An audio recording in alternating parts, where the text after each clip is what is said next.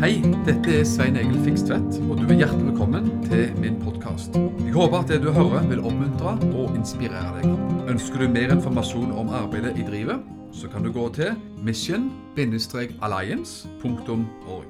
Gud velsigne deg. Men Jeg har lyst til å dele et ord som jeg tror er en hilsen fra Gud til noen. Som, eh, så du, jeg leser det og skal ikke legge mer i det enn akkurat det som jeg leser, og så tar du, du tar det nå, sånn som du vil. vet du. Det er, det er, faktisk Gud som sier dette. Det er profeten Samuel i 1. Samuels bok, kapittel 16. Herren sa til Samuel, 'Hvor lenge vil du sørge over Saul, enda du ser at jeg har forkastet ham, så han ikke skal være konge over Israel?' Fyll hornet ditt med olje og dra av sted. Hvor lenge vil du sørge over Saul, enda du ser at jeg har forkastet ham? Fyll hornet ditt med olje og dra av sted. Har du gått gjennom en periode med sorg, med frustrasjon, med fortvilelse, kanskje det er tap eller hva som helst, så skal du ta det som en sånn hilsen fra Gud. Det er en tid for å sørge. Det er, tid, ja, det er faktisk det i en del tilfeller. Hvis, ikke, vi ikke sørger, hvis vi ikke har følelser, så er vi ikke kristne, men da er vi buddhister. var det en som sa. Og det er noe sant i det, faktisk. Men, men eh, det er en tid for alt. Å legge fra seg sine sørgeklær, som Bibelen sier, og fylle hårene med olje og dra av sted. Dra av sted. Og Det er tid for det for noen til å si at nok er nok. Nok sorg, nok skuffelse, nok frustrasjon, nok spørsmål. Nå fyller jeg hornet mitt med olje, og så drar jeg av sted. Jeg tenkte jeg ville si noen få ord også om Vi skal ut til Nepal, og det er femte gangen faktisk, tror jeg, jeg er, i Nepal. Jeg husker jeg var der i, første gangen i, i 2011 høsten 2011. Og det var egentlig en veldig sånn, spesiell opplevelse å, å, dra der. Så jeg skal bruke det som en del av avsparket her, da, som vi ikke spiser for mye tid heller på Nepal. Men, men, men det er jo noen ting man har opplevd som gjør spesielt inntrykk. Man kan ha hørt mange ting. Alle av oss har vært på tusenvis av møter. Lest masse i Bibelen og elsket Guds ord. og Møtt mennesker og hørt vitnesbyrd og mange mange, mange ting. Men la meg nevne kort to kanskje møter med mennesker som har gjort inntrykk. Og Det er veldig to vidt forskjellige historier. Den første, eller den første tidsmessig var ikke i Nepal, men jeg tar Nepal først allikevel. da. Det var å møte en, en, en ung, flott familie i Nepal i 2016 som hadde følgende historie. og det, Jeg fikk tatt bilde med de og, og, alt sånt, men de hadde opplevd at det, babyen deres var blitt oppvekt fra de døde. Og Det skjedde omtrent sånn som dette her, at denne mannen, den nepalesiske mannen, da, faren eh, til denne, denne, dette barnet, han var gjestearbeider i India, der det er bedre lønn og sånne ting. så han var der. Og så var han hindu, eh, men hørte, møtte kristne skjønner du, som fortalte han om Jesus. Om hva Gud kan gjøre, hva Jesus kan gjøre. Han kan helbrede, han kan eh, vekke opp døde. Han har sjøl prestert å stå opp fra de døde, så han, han, det mye kraft i Jesus. Hørte om Jesus. Så dro han hjem, og, og, om han var gift når han dro hjem fra India, det vet jeg ikke, men uansett, litt tid gikk, så ble han i hvert fall gift. De fikk et barn, og dette barnet døde. En gutt som døde. Da kom han på det han hadde hørt i India. Når fortvilelsen og nøden var som verst, da visste han heldigvis hvor han skulle dra hen. Og Da dro han til en pastorfamilie et sted i nærheten, en liten menighet. Pastoren og kona bar rundt 20 minutter for denne babyen, og babyen vektes opp fra de døde. Og Det var gøy å treffe de, eh, den familien da i 2011. Eh, og, og, um, og de lever best, alle lever i beste velgående. Og, og, Du kan jo bare gjette deg til om de kom til Jesus eller ikke. De kom til Jesus. Er frelst og er med i Guds rike og menighetsliv og alt mulig i Nepal. Gud har fantastiske ting rundt omkring i verden. Og En annen, også en kjapp historie fra Nepal eh, som vi drar med her nå i samme slengen. det er og det var jo litt artig den gang vi var. Jeg har møtt han eh, karen her siden også, faktisk, to ganger. Han, eh, En mann som levde faktisk, var så gal og kanskje besatt også, at han levde alene ute i skogen. Omtrent sånn som du finner sånne fortellinger i Bibelen. Og levde i trær. Eh, spiste blader eh, av trærne osv. Og, så og levde som en, et dyr i, i, i, der men ble bedt for og ble utfridd, og er i dag en aktiv kristen og aktivt med som leder i en menighet. Og Det rare, kanskje, om man kan si det sånn, han som ba for han, og, og, og virkelig Gud brukte til å utfri denne karen her, han, det er en pastor, men han har vært blind hele livet. Og er fremdeles blind. Likevel så står han på å tjene Gud, og, og de, disse folka her tilhører en spesiell stamme. da, Stammefolk inne i Nepal. Men Gud det forteller likevel at Gud gjør fantastiske ting. Av og til, når vi, av og til enten man er frisk eller ikke frisk, så kan Gud gjøre hva som helst gjennom hvem som helst.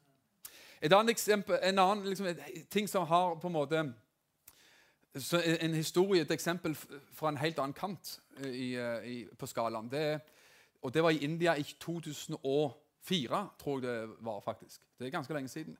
Underviste der på en bibelskole et par uker uh, i Nord-India. Og Der møtte vi bodde hjemme hos han, pastoren der, en kirkeleder som har stort nettverk. En som jobbet mye med Arild Edvardsen for mange år siden. Matthew Thomas heter han.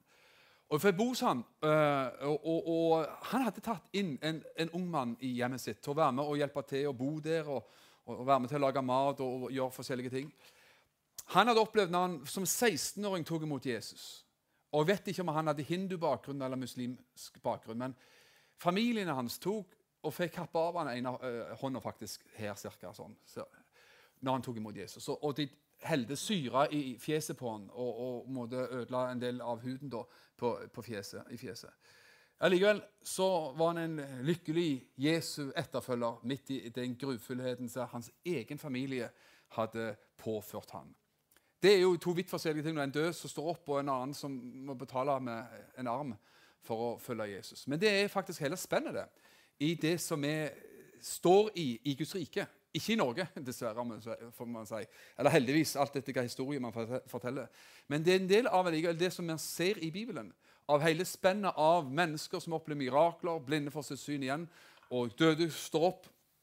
Og mennesker som betaler med sitt eget blod uh, i, i, i, det å, å, å, å, tro på Herren Jesus Kristus. Og det tror Jeg at, uh, jeg tror kanskje begge de dimensjonene vil komme nærmere innover vår kyst. faktisk. Både kraft, og det vi aller helst vil se og ha. Mer kraft. Mer forvandlede menneskeliv, og det, det, ser vi, og det skal vi se mer av. Men også faktisk den prisen det blir å følge Jesus. faktisk talt. Jeg tror virkelig det. Så vi kan være beredt for begge deler. Ja, Det var jo litt deppende, kanskje. Jeg skal ikke lage deppemøte her. Men hvis du leser nøye Jesus, hva han prekte om Johannes 14, 15 og 16 for eksempel, og Matteus 9 og 10, de to plassene der, så preker han om masse om kjærlighet og masse gode, fine ting og søte ting. Men han prekte også Bli ikke overraska, sa han.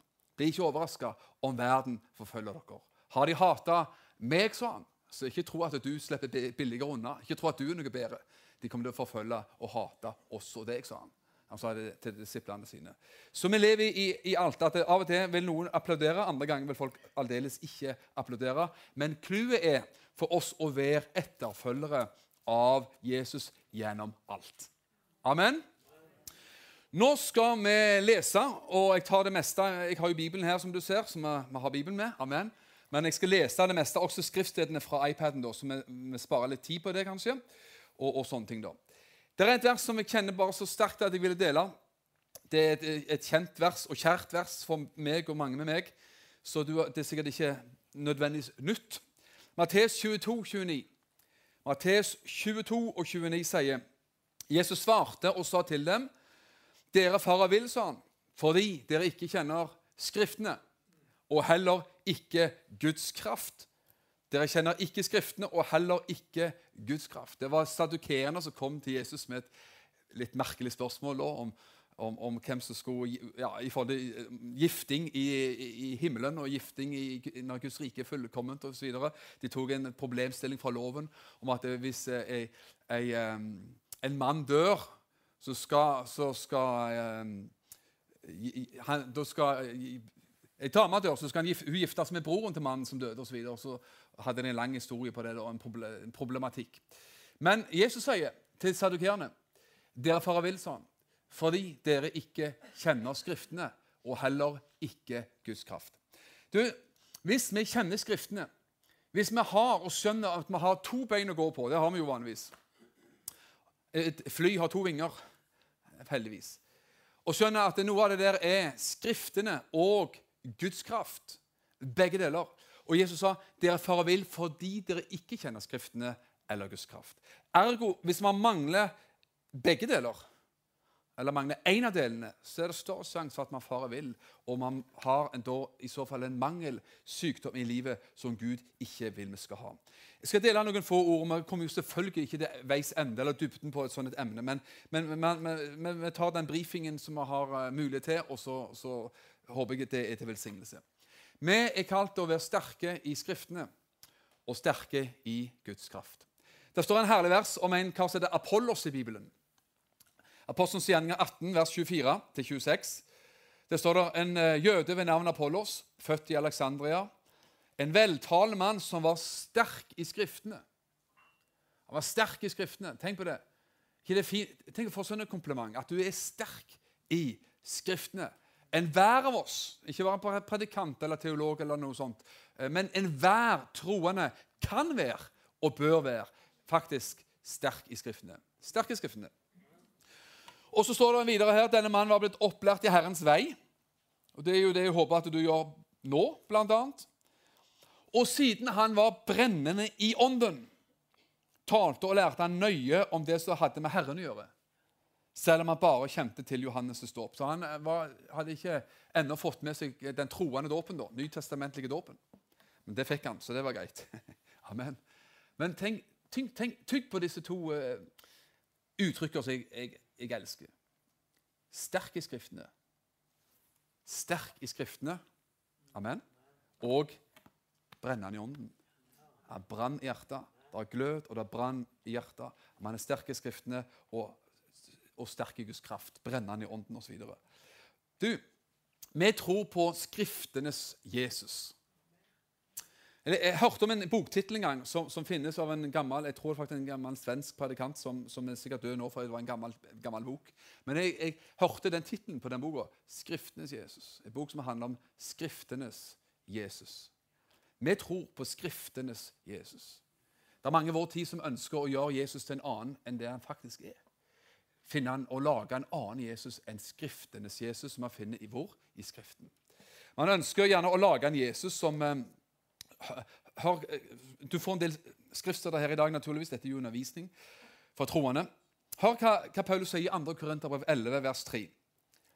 Jeg frykter for at slik som slangen forførte Eva med sin list, slik vil også tankene deres bli fordervet og drevet bort fra den enfoldige troskap mot Kristus. Enfoldige troskap mot Kristus. Den enkle og rene hengivenhet til Kristus, sier en annen oversettelse. Det, der er, der er, noen uttrykk som er, du kan bare sitte og tygge på lenge. Den enkle og rene hengivenhet til Kristus. Vet du, heldige de, salige de, som lever det enkle livet der. Amen. Hengivenhet til Jesus. Ok, vers 4 sier For om den som kommer Sånn, I Korint var det en del som banka på kirkedøra og som ville inn med, med mye forskjellig. Om, om det kommer en, sier han, som forkynner en annen Jesus, som vi ikke har forkynt Så Paulus forkynte én Jesus. Så var det noen som kom og presenterte en annen Jesus. Ok, Det kommer forkynne en annen Jesus som vi ikke har forkynt. Eller om dere får en annen ånd som dere ikke har fått før. Eller et annet evangelium som dere ikke har godkjent før. Så sier han da kan dere så gjerne leve med det. sier han. Dere kan tåle det. Altså, han sier jo det selvfølgelig litt anklagende. da. Dere må ikke tåle den slags. En annen Jesus, en annen ånd og et annet evangelium. Det var noe som eh, liksom ville inn i, i, i korintermenigheten. Mon tro om noe av det samme prøver seg av det også i det høye nord i Norge i 20, dette herrens år 2019. Hvem vet? Jeg frykter faktisk det at det er noen som prøver å komme med en annen Jesus enn den som, eh, som vi finner i Bibelen. Galaterne 1, vers 6-9 sier hvis noen forkynner et annet evangelium, sa Paulus, og da, han, da tok han kraftig i. Jeg tror ikke han overdrev, men han sa det. Hvis noen kommer med et annet evangelium, han være hva? Forbannet, sa han om så en engel fra himmelen kommer og forkynner et annet evangelium enn det som kommer fra meg, det som jeg har brekt, da skal han faktisk være forbanna. Så det er, det er kraftig. Vi tror på Skriftenes Jesus.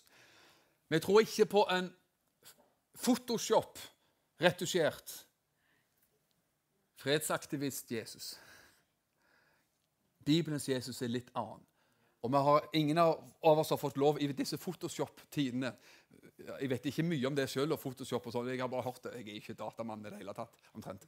Men, men, men eh, vi skjønner at det finnes programmer som kan fiffe på bilder og manipulere bilder og, og øke liksom, glansen og klarheten. og du, Trenger du liksom å fiffe litt på, på ansiktet, vet du, så ta et bilde, så går du til Photoshop, og så blir du ung når du har liksom tatt, eh, tatt runden på Photoshop. Så blir du ti år yngre. vet du. Kanskje en, eh, en, tips til noen. Men ingen av oss har fått lov til å lage Omgjør Jesus i en sånn Photoshop-retusert type Jesus, som passer i 2019. Men vi tror som sagt på Skriftenes Jesus, som gjorde mirakler. Gjorde han ikke det? Amen. Som tilga syndere, alle slags syndere. Amen. Møtte mennesker på det utrolig vis. Som også refsa de religiøse. Som ikke minst utfordra oss mennesker til etterfølgelse av ham. Til å ta opp vårt kors, fornekte oss sjøl og, og, hele den runden der og bli etterfølgere av han. Så han synes han utfordrer mennesker kraftig. Amen. Han, eh, han forkynte om Guds kjærlighet. Det gjorde han. Men han unnlot ikke å snakke heller om Guds vrede, faktisk. Han gjorde ikke det.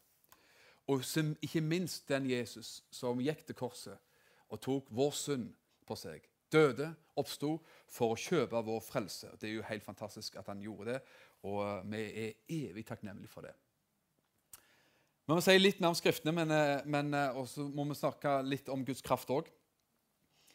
Du vet at Jesus og alle apostlene de hadde et nært og personlig forhold til Skriftene.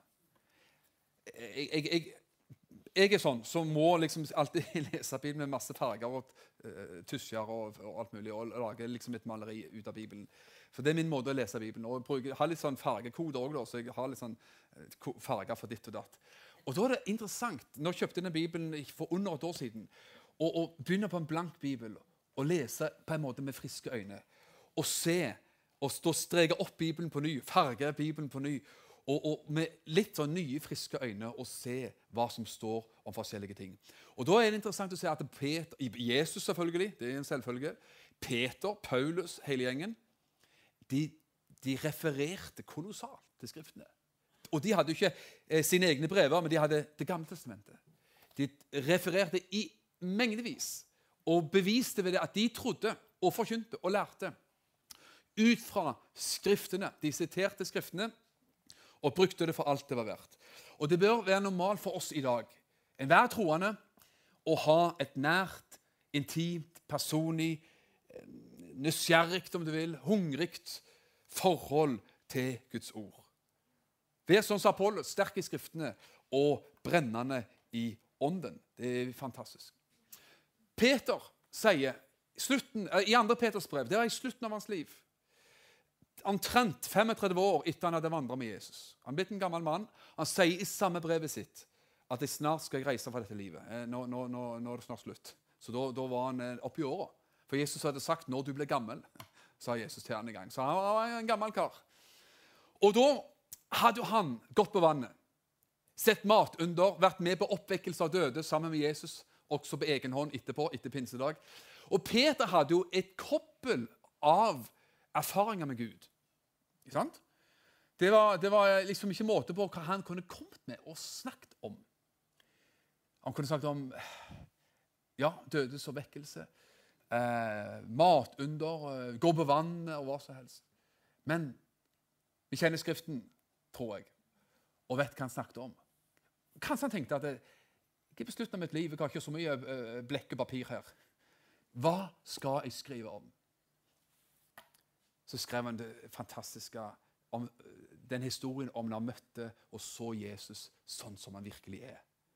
Altså, og, og snakket om at Han og Jakob Johannes de tre, fikk være med opp på Forklarelsens berg 35 år tidligere og fikk se Jesus. Og denne, denne Jesus, denne Midtøsten-Jesus med brunt skjegg og brune øyne og brunt hår og, og, og var liksom mørkere enn oss, bli forvandla i et øyeblikk oppe på fjellet. Og det, Han var gjennomskinnende hvit. Alt var strålende og hvitt rundt Jesus. Og de fikk se menneskesønnen også som gudesønnen i et øyeblikk. Og så tenker antagelig Peter, når han er en gammel mann og sier ha det til folk i brevet sitt, så sier han at det, den historien vil jeg ha med. Det, det er noe som er verdt å, å, dra med som en gammel mann. Ikke alle miraklene. Herlig, det òg. Vi tror på det. Men, men, han fikk se Jesus som den Jesus som han virkelig er. Men så sier han noe fantastisk i, den, i, liksom der, i eh, slengen her. Nå er vi i 2. Peter kapittel 1. For han sier da at eh, i vers 19 der, altså 2. Peter 1, 19, Og desto fastere, sier han, har vi det profetiske ord. Som dere gjør vel i å holde fast på, som et lys som skinner på et mørkt sted, inntil dagen gryr og morgenstjernen går opp i deres hjerter, osv. Så, så, så når han snakket om det fantastiske møtet med Jesus, han fikk se Jesus sånn som han virkelig er, så sier han desto fastere har vi det profetiske ord. Jeg tror ikke han prøver å si at, det, at det, Bibelen er viktigere eller sterkere enn å se Jesus sånn som han er. Men det jeg tror han sier, er at det, min opplevelse med Jesus bekrefter ordet. Det gjør at jeg bare tror enda mer på ordet. Det gjør at jeg, jeg har bare enda mer sans for Skriften. Du vet, Enhver sann Jesus-opplevelse vil alltid føre oss til Skriften. Er du enig i det? Enhver sann opplevelse med Gud vil føre oss ikke fra Skriften, men til Skriften. Og ethvert sant forhold til Skriften vil føre oss til Jesus. Amen. Priser Gud. Skriften fører oss til Jesus, og Jesus han fører oss til Skriften. Hva skal ditt og mitt forhold til Guds ord være? Jo, man kunne jo som sagt Bare ta litt overfladisk på det, da. Men bli skikkelig skjesken på Guds ord. Bli en som bare elsker Guds ord. Leser Guds ord. Jeg, nå gjør jeg det litt sånn praktisk og, og alt mulig sikkert, men Ta gjerne sånn en Bibel Guds ord studieskap. Jeg får ikke penger fra Herman Forlag for å si det, så jeg har ingen sterk interesse. Men få deg en bibel altså, med masse innledning og forklaringer og masse sånn, eh, tilleggsopplegg, så hjelper deg til å lese Bibelen. Og bli en som bare leser Bibelen, graver i Bibelen, nyter Bibelen og finner din tid hver eneste dag, aller helst.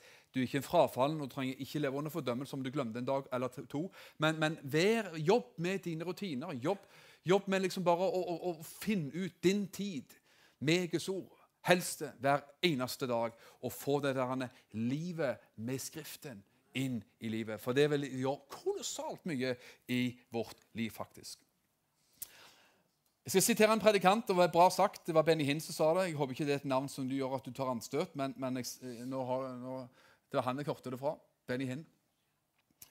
Han sa hvis du bare har Skriften, sa han, bare, bare, bare Skriften, så tørker du opp, sa han. Altså uten Guds kraft, uten, uten Den hellige ånd. Hvis du bare har Guds kraft uten Skriften, da svulmer du opp. You blow up, som han sa. Du blåser opp. Du blir en ballong som sprekker. Men har du både Skriften og Guds kraft, så bygges du opp. Ok, Bare Skriftene. Du tørker opp, du kan føles tørt ut. Har du bare Guds kraft uten Skriftene, så vil du svulme opp eller eksplodere eller et eller annet. Men har du både Skriftene og Guds kraft, så bygges du opp. Og vi trenger begge deler. Skal få et enkelt bilde. Se, nå, nå, bruker vi gjerne ikke det så mye som før, men, men eh, alle husker og alle skjønner jo likevel at det, det fins noe en gang i tida som har sånn tørre såpestykker. Nå bruker du ofte sånn rennende såpe når du vasker hendene. Og sånt. Men eh, tørre, sånn tørre såpestykker fins. Hvis du skal vaske hendene bare med sånn tørt såpestykke uten vann, så blir det, eh, det blir overkant tørt. Og du får liksom ikke gjort selve jobben om du prøver å gni det såpestykket så hardt du kan i hendene dine. Du må blande det såpa med rennende vann under vasken. vet du. Ikke under vasken, men under springen. Sant? Du blander såpa og vann, og så får du vasket hendene. Hvis du bare bruker vann uten såpe, så er ikke det helt det samme det heller. vet du. Hvis du er klisten på hendene, ikke bare med vann. Du må, du må løse opp den såpa i vann og, gjør, få gjort jobben. Det er et godt bilde egentlig på Guds ord og Guds kraft. Guds ord og Den hellige ånd. Vi trenger Skriftene, skjønner du. Men trenger også Ånden. Ånden og åndens kraft, åndens liv. Alt som har med Den hellige ånd og Guds kraft å gjøre. Det, det, det karismatiske aspektet, ved, ved åndens gaver osv. Vi trenger det som bare det i våre liv. Hvis ikke så, så er det ikke så veldig, sa du. Du vet, Jesus Jeg skal lese opp uh, Ja, jeg skjønner jo at tiden, en, tiden går. Men La meg få lov til å lese opp for deg allikevel. Disse skrift, eh, vet at det, En del skriftsteder, en del gammeltestamentlige profetier fort, forteller om Jesus, profeterer om Jesus. Åpenbare. Det er derfor vi trenger en hel bibel, både Den gamle testamentet og Det nye testamentet. Men la meg lese opp en liste som jeg har lagt meg her, på, på hva Gamle testamentet forteller oss om Jesus. Og Det er det som gjør at Bibelen er og blir unik. Den er og blir unik fra, framfor alle andre ting. Det gamle testamentet forteller oss at Jesus skulle bli født i Betlehem. Profetert 700 år før Kristus av Mika, profeten Mika. Bibelen forteller oss, Det gamle testamentet forteller oss når Jesus skulle komme, til og med tidspunktet. Profetert hos profeten Daniel ca. 600 år før Kristus. Til og med når. Årstall han skulle komme. Gammeltestamentet forteller oss at Jesus skulle bli født av en jomfru. Det er profetert av Jesajas ca. 700 år før Kristus.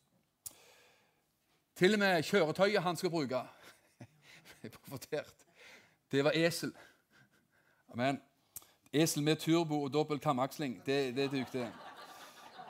Han hadde nok et bra esel. I hvert fall, ingen hadde ridd på det før, så det var, det var en ny bil. ok? Han skulle ri inn i Jerusalem på et esel profetert av Zakaria 500 eh, år før Kristus. Jeg vet ikke hva kamaksling er engang. Jeg vet jeg bare hørt om det. Der, folk, der fins folk i salen her som vet det bedre enn meg. Det ble profetert 1000 år før, før, det skjedde at han skulle bli forrådt av sine nærmeste. Salme, salme 41. Det ble profetert 1000 år før det skjedde at han skulle bli forrådt med 30 sølvpenger. Salmenes bok. Til og med hva han skulle si på korset, ble profetert 1000 år. Det, tenk 1000 år tilbake i tiden. En eller annen 1000 år siden som skulle profetere om en person som skulle komme 1000 år etterpå og til og med si hva han skulle si. Til og med replikkene han skulle ha. Altså, da, er det, da, er det, bra planlagt. Og det, det, det står i Salme 22 Min Gud, min Gud, hvorfor har du forlatt meg? En sterk profeti om Jesu død på korset. Som, som til og med altså selve ordrett, det Jesus sa, ble profetert av kong David, som også var en profet, sier Bibelen. at Det ble profetert ca. 1000 år før det skjedde. At hans hender og føtter skulle gjennombores, Salme 22 det også. At han skulle bli håna og spotta, skal jeg heller gjøre blåse og heller ikke ta lista lenger. Men, men, men, du ser at Bibelen den henger fantastisk sammen. Det er en fantastisk bok, og vi trenger å, å grave oss i Bibelen, utdanne oss i Bibelen, elske Bibelen. Jeg, eh, jeg, sa til Øystein her før møtet Se, den noterer her, vet du. Jeg får lov holde den Bibelen din. Den var jo som et veteranbil. Altså, det er jo herlig. Med, tenk å ha en sånn bibel da, som ikke ser ut. Som er så slitt, da. Halleluja. Det er herlig. Charles Spurgeon, er det noen som har hørt om han? En radikal baptistpredikant fra 1800-tallet. Det er godt å si det til baptister her, vet du. Han sa en utslitt bibel, en nesten ødelagt bibel, er antagelig eid av en som ikke er utslitt. Som er eid og brukt av en som ikke er ødelagt. Hvorfor? Jo, dess mer du bruker ikke så, vet du, dess bedre blir det for ditt eget liv. Dess mer er En utslitt bibel er et tegn på at det er dens egen bibel slettes ikke eh, eh, ligger ryggen og ødelagt men som er i beste velgående. Amen. Det svarer seg å lese og kjenne Guds ord. Amen. Guds lov og takk. Jeg må lese. Jeg tar med, med, med, Gongongen gong, gong, går etter hvert, her sikkert da, Torell. Ti minutter. Ti minutter igjen, vet du. Men jeg elsker dette her. Jeg må jo si det. Elsker å lese og, og, og dvele ved dette som har med Bibelen å gjøre. Skriften. Ja, skriften må stå sterkt. Hva, hva, hva, er det vi vil fram til med dette? her? Jo, selvfølgelig at vi skal bli glad i Bibelen. tro på Bibelen. Vi trenger mer enn noen gang å fremme troen på Bibelen. Og bruken av Bibelen. Og jeg påstår at det er de som er la oss si, 70 år pluss her inne, antagelig vokste opp i en tid, i en tid der i menneskelivet også, der Bibelen sto mye sterkere. Da hadde vi en bibeltime. Vet ikke om man bruker sånne uttrykk lenger. eller Man kaller det noe annet nå, da, workshop, og det er jo fint. Men, men, men man, man samles om Bibelen. Man samles om Skriften. Du vet at Jesus han trodde på, på mye herlig. Av til spør folk hva kan man tro på. Skal vi virkelig i 2019 tro på hva som helst? Ikke på hva som helst, men vi skal tro på alt som står i Bibelen. Og Jesus han trodde jo, Jesus hadde et, han hadde et vilt trosliv. Og hvis Jesus hadde et vilt trosliv, så kan du og meg ha et vilt trosliv. Hør hva Jesus skal igjen bare ta det fort her. Nå skal vi avsløre hva Jesus, vår Herre og Frelser, Guds sønn og menneskesønnen, trodde på. Hva han trodde på? Han trodde, han trodde på skapelsen og historien om Adam og Eva. Han refererte, Dette er en ting som Jesus refererte og siterte i sin forkynnelse. Ok, Matteus 19 står der. Vi kan ikke eh, sitere det mer, for da mister vi all tid her. Men han, Jesus beviste at han trodde på Daniels endetidsprofetier. Han kalte faktisk Daniels for en profet. Jesus trodde og refererte til Noah og vannflommen. Jesus refererte og siterte historien om Lot og hans hustru som ble til saltstøtta. Jesus trodde ved og refererte til historien om David. Han snakket om Moses og hans skrifter, Mosebøkene. Jesus trodde på historien om Kain og Abel. Og eh, han trodde på Elisha, at han hadde levd. Profeten Elisha. Han trodde på profeten Elias, både Elias og Elisha. Og sist, men dog ikke minst, han trodde på historien om Jonah som ble slukt av en fisk. Jesus brukte det, og brukte det til og med som et eksempel, profetisk eksempel på at han skulle ligge tre dager og tre netter i jordens indre før han sto opp fra de døde. Tenk på det. Jesus trodde på alle de tingene. Og vet du hva? Da tenker jeg sånn at eh, hvorfor, hvorfor, skal Svein Egil selv i 2019 prøve å bli mer intelligent enn Jesus? Jeg synes at det blir, det blir å prøve å ta hardt i. altså. Hvis Jesus kunne tro på det, hvorfor kan ikke du og meg tro på det? Det finnes mange kristne som ikke vil tro på det. Som enten fornekter det, eller som i hvert fall ikke vil snakke om det. Hvis Jesus kunne tro på det, hvis Jesus kunne referere til det, hvis Jesus kunne ha den troen, så kan du og meg ha det. Amen. Vi kan tro på alt sammen. Og vi trenger ikke prøve oss i vår arroganse og liksom bli flinke, bli mer, bli mer intellektuelle og akademiske og smarte i hodet enn det Guds sønn var. Guds sønn og verdens frelser. Jeg synes at det, den, den, den, går ikke. den går ikke. La meg si noen ord om Guds kraft mot slutten her. sånn. Guds kraft. Skjønner, Vi tror på Bibelen, men vi tror også på Guds kraft. Og Hvis man bare eh, tror på Guds ord, øh, ja, tror på Skriften, men fornekter eller feier under teppet det som har med Guds kraft å gjøre, så blir det litt sånn skeiv kjøring, kan du si.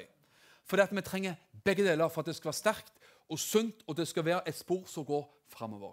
Og vi sier at jeg brenner for, lengter etter, og, og, jeg vil være med med mitt eh, liv og mitt tjeneste og dyrke fram den kristentypen overalt hvor jeg er, men også i Norge, som tror på Skriftene og på Guds kraft. Som tror på Skriftene og på Guds kraft. Jeg var innom et par skriftsteder her forrige gang når jeg hadde en liten innledning. Jeg tar det litt, eh, noe av det samme. Første Korinterbrev 1, vers 17-18. Hør her, og det er sterke ord, altså. For Kristus sendte meg ikke ut for å døpe. Folk ble døpt, men han tok rekkefølgen eh, rett, vet du. Men for å forkynne evangeliet. Så bare det forteller oss at eh, forkynnelsen av evangeliet går foran dåp. Men og så sier han, forkynne evangeliet ikke med visdomstale, for at Kristi kors ikke skulle tømmes for kraft. For Kristi kors, ikke Kristi kors skulle tømmes for kraft. Det betyr da kraft i Kristi kors. Det er kraft i budskapet om korset. Når vi snakker om korset, så skjønner du det snakkes ikke om treet. For det treet Jesus hang på, fins ikke lenger i 2000 år etterpå. Men det er budskapet om korset. Det er realiteten i det Jesus gjorde på korset, naturligvis. Sant? Evangeliet. Og da sier jeg at det er kraft i korset. Men så kan det fenomenet skje at for vår del at korset tømmes for kraft. For Guds side er det ikke tømt for kraft noen gang. Men hvis ikke vi håndterer det rett, så er det sånn at vi kan tømme korset for kraft. Det må vi ikke gjøre. Med andre ord, korset kan være fullt av kraft, og det syns jeg at de skal få lov til å ha. Korset skal være fullt av kraft og ikke tømt for kraft i våre liv og i vår sammenheng. Så Paulus sier for, for at ikke korset skulle tømmes for kraft. For ordet om korset er dårskap for dem som går fortapt, men for oss som blir frelst, er det en Guds kraft. Amen. Ord om korset. Det er kraft i ordet om korset. La meg nevne tre ting som kan tømme korset for kraft, som jeg tror også du vil kjenne igjen. Derfor kjenner jeg at jeg er litt sånn uh, Ja, jeg er litt nidkjær eh, langs den linja. her, Og det er veldig viktig at det, det vet vi jo, alle som kjenner til Himmelpartners vektlegginger og sånt, og Inge Røiseland vet veldig, veldig godt at Guds ord og Guds kraft står meget meget høyt i kurs, heldigvis. Så jeg, Derfor er det godt å, å, å kjenne at man er blant eh, likesinnede og føler seg hjemme her. Tre ting som kan tømme korset for kraft. Nummer én liberal teologi. Liberal teologi tømmer korset effektivt for kraft. Ingulf Diesen sa noe. Han var jo en, han er hjemme hos Herren nå, men var en veldig sånn en, eh, prekte veldig mye rundt dette med Guds ord og var veldig Guds ord-type. Le, leste gjennom Bibelen en gang per år, så han var, han var, der. Amen. Han sa det, vet du. Hvorfor skal du Hvem vil du gå? En liberal teolog og teologi er som dette her. Hvis du går til en lege med, kroppen, en tannlege da, eller lege, eller hva som helst, og så sier tannlegen eller legen at det, jeg tror i grunnen ikke på det jeg holder på med. Gå, hvor mange vil gå til en kirurg som sier jeg tror i grunnen ikke på det jeg holder på med? Du tenker at det, det, det vil gjøre deg litt betenkt. Men det er egentlig det en liberal teolog gjør. For man skal håndtere Skriftene og ha med Skriftene å gjøre, og forvalte Skriftene. Men det man egentlig sier, jeg tror ikke på det jeg holder på med. Og hvem vil da legge seg under kniven til en lege eller en tannlege som ikke tror på det de holder på med? Nummer to, liberal teologi, eh, nummer én, liberal, liberal teologi. Nummer to, Intellektualisering det var jo langt, langt ord, da. Intellektualisering av evangeliet. Evangeliet er annerledes i sin natur.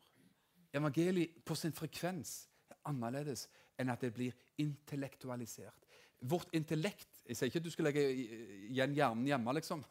men skjønner, det er i vår ånd vi får kontakt med Gud. Sant? Bruk intellektet til mange gode ting i dette samfunnet. Utdannelse har absolutt ingenting imot det, og det anbefales i så måte. Men vet du hva? troen på Gud og troen på Guds kraft er annerledes. Jeg har glemt hans navn. da, Han har jo skrevet noen bøker. En, en eldre mann borte på Østlandet som har skrevet noen bøker om skapelsen. og sånne ting, navnet ramla ut. Men han er lege, høyt utdannet lege og, og, og, og eh, har, kan veldig mye. Og, bruker, skriver ned og skriver bøker om, som forsvarer tanken på at Gud har skapt alle ting. Det er fantastisk at det finnes sånne. Så det er lov å, å være høyt utdanna og faktisk ha et hjerte som er dypt, dypt inne i Guds ord. 1. Korinterbrev 2, 1-5 sier, Og jeg, brødre, da jeg kom til dere, kom jeg ikke med fremragende talekunst eller visdom og forkynte Guds vitnesbyrd for dere. For jeg var fast bestemt på at jeg ikke ville vite noe annet blant dere enn i Kristus Jesus, Jesus Kristus og ham korsfestet. Han vil ha den korsfestede, oppstandende Jesus. Amen. Han sier i vers 4.: Og min tale og min forkynnelse var ikke med overtalende ord fra menneskelig visdom, men med ånds- og kraftsbevis. Sånn er kraft. Og så, så kommer liksom hovedvekten kanskje her i vers 5. For at deres tro ikke skulle være grunnet på menneskers visdom, men på Guds kraft. Vår tro skal være grunnet på Guds kraft. Din tro den er grunnet på Guds ord. Det er klart. Absolutt alt Guds ord. Men, men ikke misforstå det jeg sier nå, men, men det er noe gåseøyne mer enn bare Guds ord. Sier, når jeg sier sånt, så må jeg ikke misforstå, for Guds ord er alt. Men, men det er kraft. Opplevelser med Gud. Noe som skjer Nå ringer vekkerklokka her. Nå, nå, skal jeg slutte. Nei, det vet ikke jeg heller. Så det, det vekker klokka, vet du. Men skjønner, Guds kraft Ditt liv kan være bygd selvfølgelig på Guds ord, men også på opplevelsen av Gud. Bønnesvar, det at Gud virker i ditt liv, du kjenner at Han er nær, du vandrer med Han, du hører Hans røst, du, du har opplevd Hans helbredende kraft osv.